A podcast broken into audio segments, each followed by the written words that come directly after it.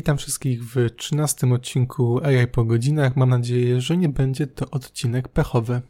Ja nazywam się Wojtek Koronowicz-Jaśkowiak, a AI po godzinach jest to podcast poświęcony w głównej mierze zastosowaniom technologii informacyjnych w psychologii, seksuologii oraz w naukach pokrewnych. W dzisiejszym odcinku wrócimy trochę do zagadnień wiążących się z technologiami informacyjnymi i projektami, które w tej chwili realizuję. Chciałbym Wam opowiedzieć może najpierw w kilku słowach o nowych AirPodsach Pro.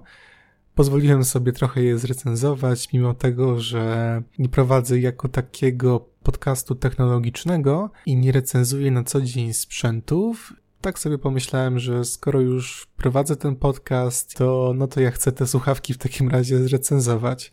To w dalszej kolejności chciałbym przejść do takiego tematu, który wiąże się z tym, jakiego rodzaju oprogramowanie używa w swojej pracy psycholog. Zarówno taki psycholog, który pracuje gdzieś klinicznie, jak i również psycholog, który prowadzi badania naukowe. Zaczynając w takim razie od tych słuchawek. To są słuchawki, które zostały jakiś czas temu wydane przez firmę Apple. Nazywają się AirPods Pro i to są, to ma być model w założeniu, który ma być właśnie dostosowany do bardziej wymagających użytkowników. Mm, I jest to tak naprawdę rozwój tej linii słuchawek bezprzewodowych, które jakiś czas temu wypuściła firma Apple, czyli słuchawki AirPods. Dla osób, które tych słuchawek z tej pierwszej, drugiej generacji nie kojarzą, to są takie małe białe słuchawki bezprzewodowe, które nie są ze sobą również połączone żadnymi przewodami. Je się po prostu wkłada do uszu i wpuszcza się muzykę lub też podcasty, których, których lubimy słuchać. I Odkąd te słuchawki zostały wypuszczone, ja momentalnie stałem się ich wielkim fanem. Naprawdę komfort, jaki, jaki daje to, że jesteśmy w 100% już bezprzewodowi, nie dają nam żadne kable z tyłu głowy, na przykład w czasie wykonywania ćwiczeń na siłowni. Ja miałem swego czasu bardzo się irytowałem na moje słuchawki, na, na bitsy, które są połączone z tyłu głowy takim przewodem. Są bezprzewodowe w takim sensie, że jest przewód łączący lewą słuchawkę z prawą i oczywiście na odwrót.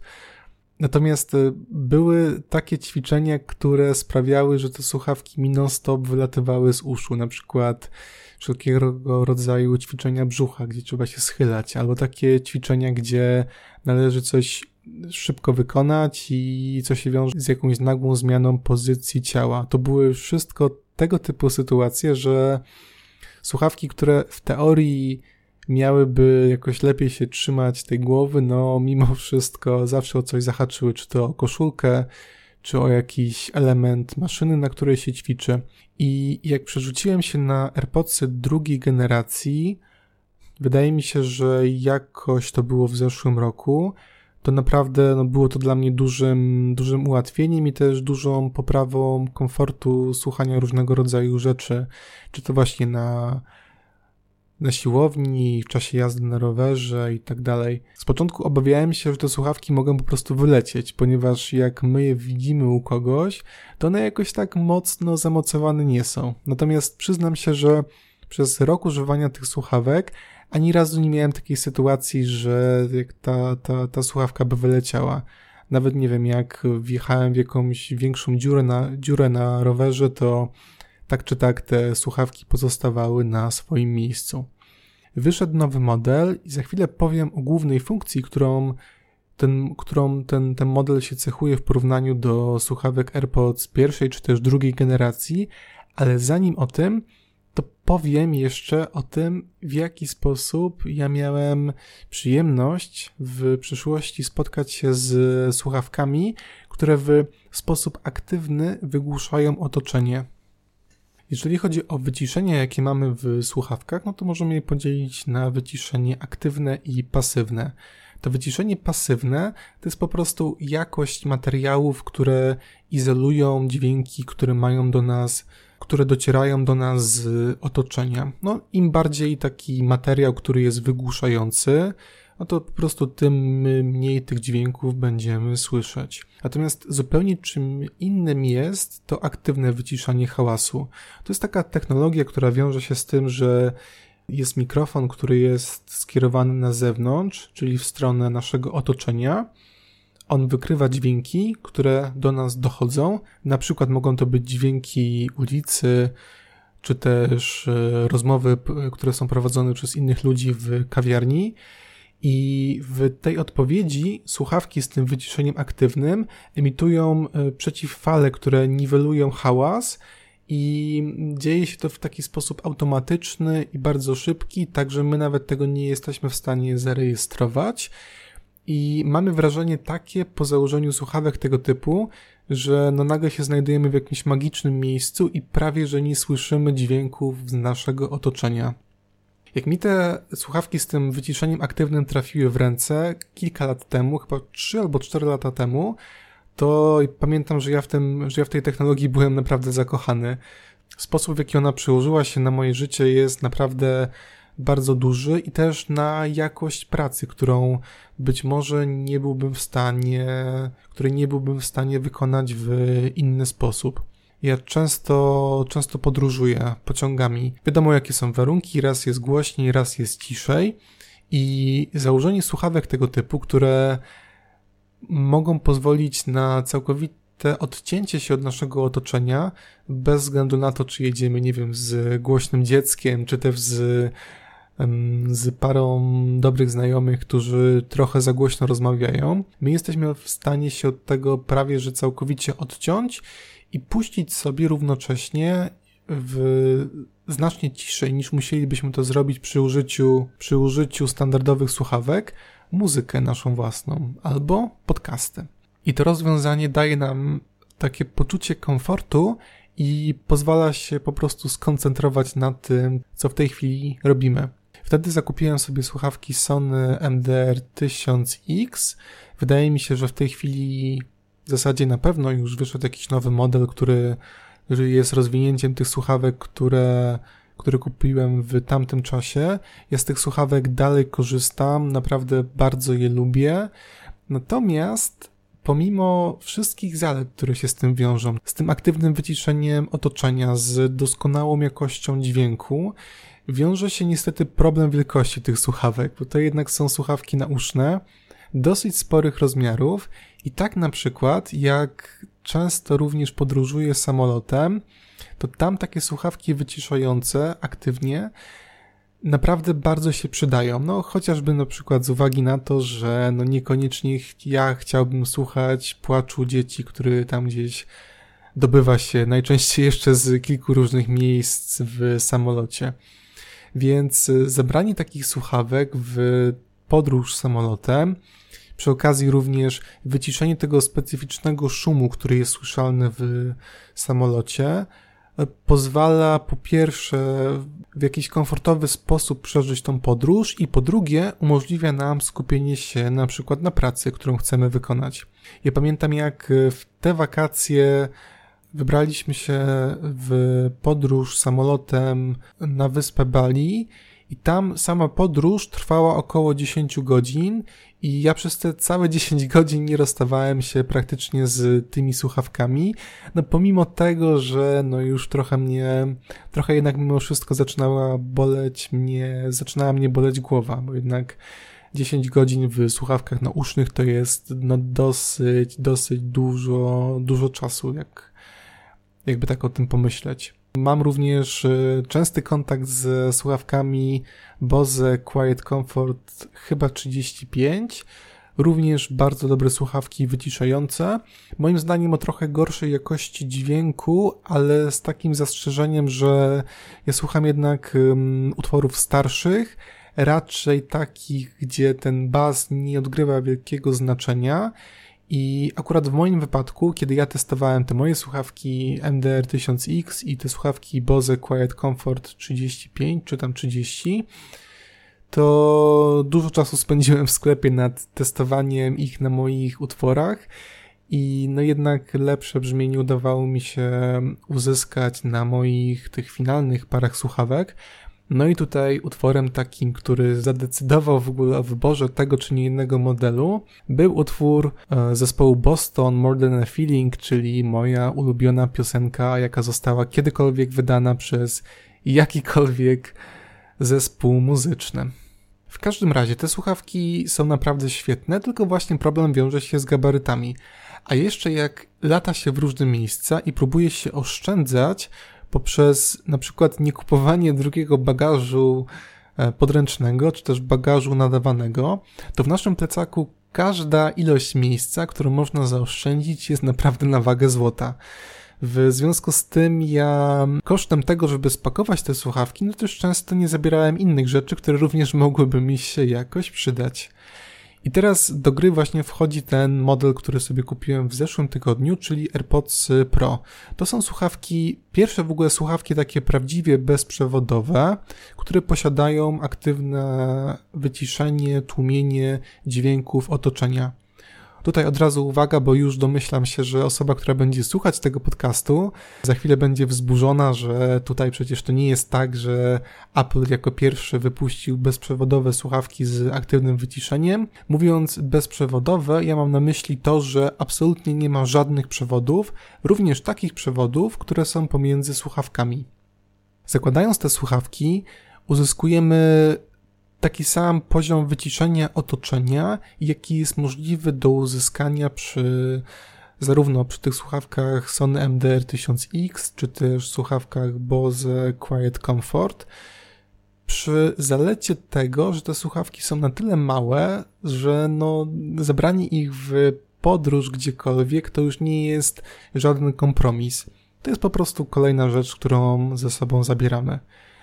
Ograniczeniem tutaj może być ewentualnie czas odtwarzania, ponieważ te słuchawki wytrzymują na baterii około 4 godzin, następnie muszą być podładowane, są dostarczane razem z takim etui, które jest równocześnie ładowarką, czyli po tych 4 godzinach my wkładamy te słuchawki do etui, one tam się ładują przez okres mniej więcej pół godziny do godziny maksymalnie, po czym są naładowane i w ten sposób możemy je naładować będąc w podróży. Jeżeli chodzi o, o to, ile razy możemy te słuchawki naładować, to około 4 razy. Po tym czasie musimy już po prostu podłączyć ładowarkę do naszego etui, do tych słuchawek, no i następnie znowu możemy z tych, z tych słuchawek korzystać. Ja, akurat tak mi się złożyło, że często ostatnio podróżowałem samochodem jak również e, przebywałem w dosyć głośnym otoczeniu i miałem co najmniej 20 godzin na to, żeby te słuchawki przetestować i muszę wam powiedzieć, że ja naprawdę jestem z nich zachwycony. To jest, to jest taka rzecz, na którą ja osobiście czekałem. Największe chyba znaczenie ma dla mnie to, że od teraz będąc na siłowni, jestem w stanie komfortowo na przykład słuchać książek. Mam taką aplikację Storytel, coś takiego jak Spotify, tylko że w wersji z audiobookami. Puszczam sobie jakąś książkę, nie zagłuszają mi, nie zagłuszają mi jej żadne dźwięki z otoczenia.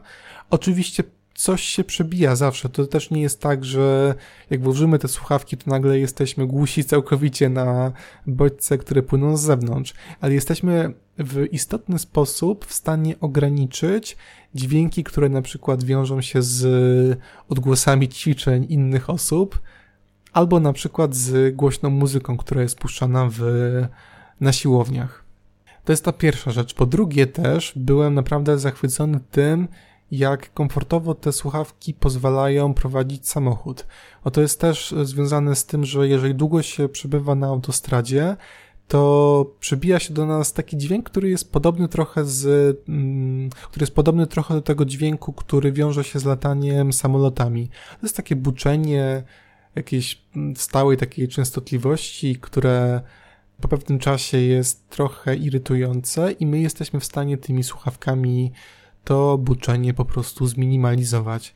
Jak również przy jeździe rowerem w warunkach miejskich, to jest też tak, że no nareszcie mogę na przykład posłuchać podcastów albo właśnie książek w wersji audiobooków, ponieważ te, te odgłosy ulicy już mi tak bardzo nie przeszkadzają w odbiorze tego, co słychać. Jak każdy produkt, oczywiście nie pozostają bez jakichś wad. Pierwszą wadą jest ich cena, chociaż wydaje mi się, że za funkcjonalność, którą otrzymujemy i za tą klasę produktu, no ta cena wbrew pozorom nie jest wygórowana. Natomiast jak te słuchawki wychodziły, Mm, śmieszna rzecz, bo cały świat zachodni koncentrował się na tym, że wow, że Apple wypuścił słuchawki, które są właśnie, które są prawdziwie bezprzewodowe i mają tym aktywne tłumienie hałasu, które działa tak dobrze jak te rozwiązania ze słuchawek nausznych, że to jest taki naprawdę udany produkt, że dużo ludzi już na niego poluje, żeby sobie je kupić, to o tyle newsy w Polsce koncentrowały się i dalej się koncentrują w głównej mierze na tym, ile te słuchawki kosztują. To jest głównie taki ból redaktorów egzystencjalny o to, że te słuchawki są tak samo drogie jak na przykład słuchawki nauszne od strony konkurencji, że Apple nigdy nie wypuściło tak drogich słuchawek, no to też są takie posty, które w, zasadzie artykuły od redaktorów, których serdecznie pozdrawiam, którzy tak naprawdę całą swoją karierę redakcyjną ustawiają pod to, e, żeby pisać tak bardzo clickbaitowe tematy artykułów, po prostu żeby zwiększyć ruch w swoich źródłach, tak? I, i żeby to miało jakieś przełożenie po prostu na reklamę. Kończąc temat tych słuchawek, ja je oczywiście polecam i jak najbardziej mógłbym je zarekomendować. Dzisiaj natomiast chciałbym opowiedzieć Wam o tym, jakie oprogramowanie wykorzystuje psycholog, który właśnie pracuje w klinice albo prowadzi badania naukowe do swojej codziennej pracy. Ja w ogóle myślę o tym, żeby w przyszłości nagrać taki odcinek, w których w którym porównałbym studiowanie psychologii, opisałbym w ogóle na czym te studia polegają, jak, w jaki sposób są realizowane i z jakimi przedmiotami można się spotkać e, uczęszczając na zajęcia. I chciałbym porównać w ogóle to studiowanie ze studiowaniem informatyki, natomiast potrzebuję trochę jeszcze więcej tego doświadczenia w, studi- w studiowaniu informatyki. Natomiast myślę, że już tak, nie wiem, po tym pierwszym semestrze, po pierwszej sesji, myślę, że będę już miał trochę coś do powiedzenia w tym kierunku i wtedy nagram taki odcinek z porównaniem i z charakterystyką psychologii oraz informatyki. Natomiast dzisiaj chciałbym opowiedzieć o tych programach. Takim głównym programem, który jest używany i który był, który był nam przedstawiany na studiach psychologicznych, to są programy do obróbki statystycznej. To są takie programy jak Statistika albo jak na przykład program SPSS. Programy z dosyć przyjaznym interfejsem, które umożliwiają badanie związków między zmiennymi. I są to takie programy, które pozwalają osobom, które nie mają doświadczenia w programowaniu, tak jak na przykład trzeba to robić w programie R. Te programy umożliwiają przeprowadzenie badań jak również przeprowadzenie podstawowych operacji na różnego rodzaju zmiennych i następnie przedstawienie tych wyników w formie wykresów, czy też przy użyciu innych form wizualizacji. Tutaj od razu mam takie, taką informację, że ten e, zarówno statystyka, jak i SPSS to są takie typowe programy do prowadzenia statystyk i do liczenia statystyk, e, gdzie zastosowanie jest w naukach społecznych, medycznych i tak dalej ponieważ sam program nie oferuje zbyt dużego wsparcia do operowania na znacznych y, bazach danych. Na przykład stąd y, big data no nie robi się na SPSS-ie ani na statystyce, tylko już w programie R. Natomiast do prowadzenia takich badań, które obejmują kilkadziesiąt, kilkaset, może nawet kilka tysięcy uczestników i badanie związków między zmiennymi to jest naprawdę, to są naprawdę bardzo dobre narzędzia. One są również często udostępniane studentom za darmo, jak również studenci, w zasadzie doktoranci Uniwersytetu Warszawskiego również mają w czasie, w czasie realizacji szkoły doktorskiej dostęp do programów tego typu i do wykorzystywania ich w celu prowadzenia swoich badań naukowych. Zastrzeżenie ewentualnie jest takie, że o ile w programie R my jesteśmy w stanie dokonać naprawdę niezwykłych rzeczy, jeżeli wiążą się, które wiążą się z wizualizacją danych. Możemy wykorzystywać również tematy, jak, jak również gotowe wzory wykresów, które są udostępniane na przykład na, na GitHubie czy na Stack Overflow, to jeżeli chodzi o tworzenie wykresów w programie SPSS, statystyka, to niestety jesteśmy ograniczeni tylko do kilku możliwości.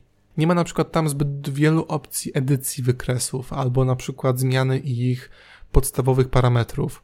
To są bardziej takie programy, które umożliwiają przeprowadzenie standardowych operacji, przedstawienie ich również w, standard, w, taki, w jakiś standardowy sposób, ale trudno jest doszukiwać się w tych programach jakichś bardziej zaawansowanych funkcji albo jakichś bardziej wyszukanych metod wizualizacji danych. Wspomniałem trochę o tym programie, w zasadzie o języku programowania R. To nie jest może jakieś zagadnienie, z którym studenci, z którym wszyscy studenci psychologii są zaznajomieni w czasie prowadzenia studiów. Natomiast ja pamiętam, że na Uniwersytecie Jagiellońskim albo na Uniwersytecie Warszawskim był do wyboru taki kurs. Studenci, którzy byli zainteresowani tym, żeby nauczyć się programować w tym języku i w tym języku również prowadzić obliczenia statystyczne, po prostu mieli taką możliwość. Ja o języku programowania R będę jeszcze w przyszłości szczegółowo mówić, wtedy jak będę omawiać charakterystykę studiowania, jeżeli tak mogę się wyrazić, informatyki na Polsko-Japońskiej Akademii Technik Komputerowych, ponieważ tam język Python, jak i również język R jest bardzo szeroko wykorzystywany, szczególnie na tych zajęciach na pierwszym semestrze. Kolejnym programem, który również często jest wykorzystywany przez psychologów, przez tych psychologów, którzy pracują przy prowadzeniu badań naukowych, jest program MaxCUDA. To jest taki program, który umożliwia nam pracę z materiałem jakościowym bo możemy badania podzielić na takie dwa obszary, na badania ilościowe i na badania jakościowe. Badania ilościowe to są na przykład ankiety, to są różnego rodzaju testy, w których uzyskuje się jakąś tam określoną liczbę punktów. Natomiast w badaniach jakościowych nie bierze się trochę w uproszczeniu mówiąc, nie bierze się pod uwagę cyfr, bierze się na przykład pod uwagę tekst albo głos. Przykładem badań jakościowych może być przeprowadzenie, wywiadu, przeprowadzenie wywiadu wśród 20 ciężarnych kobiet i pytanie się ich o ich doświadczenia, które wiążą się z przeżywaniem ciąży. Następnie, żeby coś zrobić z tymi, z tymi wynikami wywiadów, musimy w jakiś sposób podejść do ich analizy. I tą właśnie analizę ułatwia nam program MaxCUDA. On działa w ten sposób, że wgrywamy do niego sam surowy tekst, który uzyskaliśmy prowadząc dany wywiad i następnie go kodujemy poprzez wybranie takich obszarów, które są dla nas najbardziej istotne. I ten program po prostu umożliwia nam zliczenie tych poszczególnych obszarów i na sprawdzenie, jak często te dane obszary występują wśród innych kobiet. Myślę, że najlepiej jest to wytłumaczyć na tym przykładzie. Załóżmy, że prowadziliśmy te badania wśród tych 20 kobiet, to były wywiady, to były wywiady poświęcone ich przeżywaniu ciąży. Prowadziliśmy z nimi na ten, na ten temat rozmowę, mamy zapisany już i przepisany na komputerze suchy tekst, czyli wypowiedzi danych osób. My następnie to wgrywamy do tego programu i widzimy, że na przykład stale nam się pojawia jakiś jeden temat. Na przykład mm, załóżmy, że połowa uczestniczek tego badania zwracało uwagę na to, że dużą wartością dla nich jest to, że już za jakiś czas będą miały dziecko i że to jest dla nich na przykład źródłem dużych oczekiwań, dużych nadziei na przyszłość. Te uczestniczki badania mogą o tym mówić różnymi słowami, ale jeżeli my sobie zakreślimy i wyodrębnimy ten temat z tego całego zakresu rozmowy i określimy w tym programie, z jakimi na przykład słowami kluczowymi wiąże się on, na przykład w tym wypadku mogło to być słowo takie jak oczekiwanie, nadzieja, to ten program nam umożliwia zliczenie, ile razy ten temat wystąpił na przykład u danej osoby, albo w ogóle ile razy wystąpił u wszystkich uczestników tego badania. Istotne jest to, że o ile w programie SPSS czy Statistika my weryfikujemy określone hipotezy, przeprowadzamy dane obliczenia statystyczne, następnie prezentujemy te wyniki na przykład w formie wykresów, to sam program MaxCuda nie odpowie nam na przykład na pytanie takie, czy na przykład w jakiejś jednej grupie występuje albo nie występuje częściej określony temat, ponieważ ten program nie działa w sposób automatyczny. On działa w taki sposób, że on nam po prostu umożliwia, mm, on nam pomaga w zliczeniu tych y, poszczególnych słów, ale nie decyduje, nie mówi nam nic o hipotezie zerowej czy też hipotezie alternatywnej. To wszystko jest tak naprawdę w gestii badaczy. Jeszcze innym programem, który wykorzystuje się bardziej w praktyce psychologicznej, tej klinicznej, jest taki program Epsilon. Epsilon to jest y, oprogramowanie pracowni testów Polskiego Towarzystwa Psychologicznego, które umożliwia odtworzenie przed osobą badaną określonych testów psychologicznych. To jest tak, że psycholog prowadzący badanie testowe, badanie z użyciem tego prawdziwego narzędzia psychologicznego, najczęściej to wygląda tak, że daje po prostu badanemu arkusz z prośbą o wybranie danych odpowiedzi, albo pyta się o coś i zapisuje te odpowiedzi u siebie na kartce. Natomiast program Epsilon umożliwia po pierwsze zebranie tych wszystkich odpowiedzi danego pacjenta czy też uczestnika badań w sposób komputerowy. Badany po prostu zaznacza odpowiedzi na komputerze i umożliwia również szybsze zliczenie wyników. Ponieważ są takie testy stosowane w psychologii, które zawierają niekiedy po kilkaset pytań, albo takie testy, które relatywnie trudno się liczy. Może ta trudność nie wynika z tego, że samo dodawanie poszczególnych punktów jest do siebie, jest jakieś, e, jest trudne samo w sobie, tylko że ta trudność się wiąże z tym, że po prostu łatwo jest o pomyłkę. Jeżeli musimy ręcznie, załóżmy, dodać po kilkaset punktów, albo je wszystkie jakoś w jakiś inny sposób zliczyć, to bardzo łatwo jest się pomylić. Poza tym jest to też taka praca, która też umówmy się nie wymaga wyższego wykształcenia i mogłaby być spokojnie zautomatyzowana. Właśnie dlatego ten program Epsilon jest dobry pod tym względem, bo on umożliwia automatyczne zliczenie wyników, jak i również odniesienie go do danych norm. Samą interpretacją wyników psychologicznych zajmuje się już bezpośrednio psycholog. Na przykład samo wykonanie takiego programu i sprawdzenie wyniku dla samego siebie, no po pierwsze nie byłoby możliwe, ponieważ żeby uzyskać dostęp do tego programu, czy też w ogóle do testów psychologicznych, to trzeba być psychologiem. Natomiast z drugiej strony też by to było bez sensu, ponieważ każdy wynik testowy, nawet po odniesieniu do danych norm, musi być równocześnie opisany przez e, psychologa. Tutaj na przykład wchodzi w grę kwestia innych narzędzi psychologicznych, odniesienie tego do historii życia danej osoby, do jej sytuacji. Jest to naprawdę bardzo użyteczny program. Niestety nie jest wykonany w jakiś wybitnie dobry sposób, jakby całość przypomina trochę takie aplikacje pisane we Flashu albo jakieś pierwsze gry, które pojawiały się w latach 2000, które miały taką charakterystyczną flashową oprawę.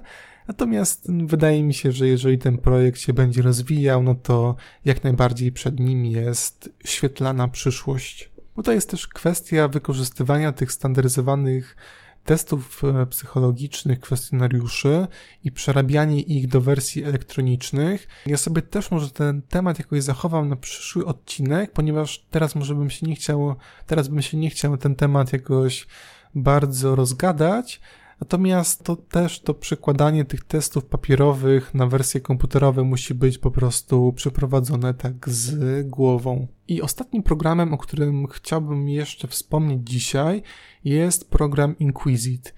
Inquisit to jest taki program e, stworzony przez firmę Milesecond. To jest oprogramowanie, które umożliwia po pierwsze zaprojektowanie no i po drugie, przeprowadzenie badań psychologicznych, ale takich badań już powiedziałbym bardziej wyszukanych. Na przykład prowadząc jakieś zaawansowane badania, na przykład nad funkcjami poznawczymi albo nad zdolnościami ludzi do zapamiętywania różnego rodzaju bodźców, to są wszystko takie typowe zadania, które muszą być po pierwsze standaryzowane, czyli każdy badany musi zobaczyć dokładnie to samo w określonym czasie, i po drugie, konieczne jest e, jasne i dokładne zapisywanie na przykład czasu odpowiedzi danego uczestnika badania. Oprogramowanie Inquisit, tak jak powiedziałem, umożliwia zaprojektowanie. E, te te poszczególne testy, które pisze się w tym programie, one są konstruowane w takim języku, który mi trochę przypomina HTML. To jest język własny programu Inquisit, którego można się naprawdę bardzo szybko nauczyć. Jest, jest, jest dosyć intuicyjny, jest to oczywiście język wysokopoziomowy, z bardzo bogatą dokumentacją, z bogactwem tak naprawdę już gotowych kodów do wykorzystywania przy naszych własnych badaniach. I on też umożliwia szybką edycję tych poszczególnych warunków eksperymentalnych i, i to, co jest istotne, on również pozwala na uruchomienie tych procedur eksperymentalnych, które w tym programie stworzymy, na komputerze własnym uczestnika badania, z takim założeniem, że ten uczestnik nie musi mieć tego oprogramowania. Jest na przykład taka wersja Inquisit Web, to polega na tym, że my tworzymy swoją wersję zadania psychologicznego, wprowadzamy ją do tego serwisu Inquisit Web i tam następnie nasza osoba badana po zalogowaniu się wchodzi na naszą stronę, tam wypełnia, wykonuje to zadanie, które jej zleciliśmy do wykonania. Musi chyba tylko z tego co pamiętam zainstalować jakąś wtyczkę Inquisit i następnie wyniki tego badania są nam przesyłane i są tworzone w formie już gotowych arkuszy odpowiedzi. To, to może być zarówno w formacie XLS, czy też w formacie CSV, także to jest już mm, do naszej, do naszej dyspozycji. Oprócz tego, że ten program umożliwia tworzenie, to również umożliwia korzystanie z zasobów, które są udostępniane przez innych badaczy. I to jest naprawdę bardzo ważna cecha, która wyróżnia ten program od y, na przykład nie wiem, y, po prostu pisania eksperymentów psychologicznych w Javie czy też w Pythonie, to się wiąże z tym, że jeżeli ktoś przeprowadzi jakieś zadanie poznawcze, na przykład takie, które polega na tym, żeby klikać na klawiaturze klawisz D, jeżeli się pojawi słowo napisane czerwoną czcionką, to takie osoby najczęściej po skończeniu tego badania i opublikowaniu wyników publikują również swój skrypt programu do bazy Inquisit i jeżeli posiada się licencję na korzystanie z tego oprogramowania, to można najczęściej bezpłatnie z takiego narzędzia po prostu skorzystać. To jest e, bardzo dobra rzecz, jeżeli chodzi na przykład o weryfikowanie wyników innych badaczy, albo do powtórzenia po prostu ich wyników, albo jeszcze do czegoś innego, czyli do przeprowadzenia podobnych badań jak inni badacze, ale na przykład z innymi parametrami. Na przykład ktoś mógł przeprowadzić badania nad funkcjami poznawczymi i mógł stworzyć narzędzie, które polega na tym, żeby przekładać kule widoczne na ekranie w jakiś sposób określony przez wzór, który jest wyświetlany i w tym programie załóżmy są cztery drążki, a ja mogę po ściągnięciu tego skryptu tak go sobie w łatwy sposób zmodyfikować, żeby to na przykład nie były cztery drążki, ale żeby to było pięć drążków. I dzięki temu na przykład instrukcje, jak i sam interfejs tego programu mamy taki sam. Ja mam wspólnie z badaczem, który robił badania podobne do, do tych, które ja robię w tej chwili. Łatwiej jest porównywać wyniki i też ta komunikacja wydaje mi się między badaczami jest po prostu ułatwiona. No i wydaje mi się, że to by było w takim razie już na tyle. Dziękuję Wam bardzo za wysłuchanie tego odcinka i zapraszam jak zwykle za tydzień. Do usłyszenia.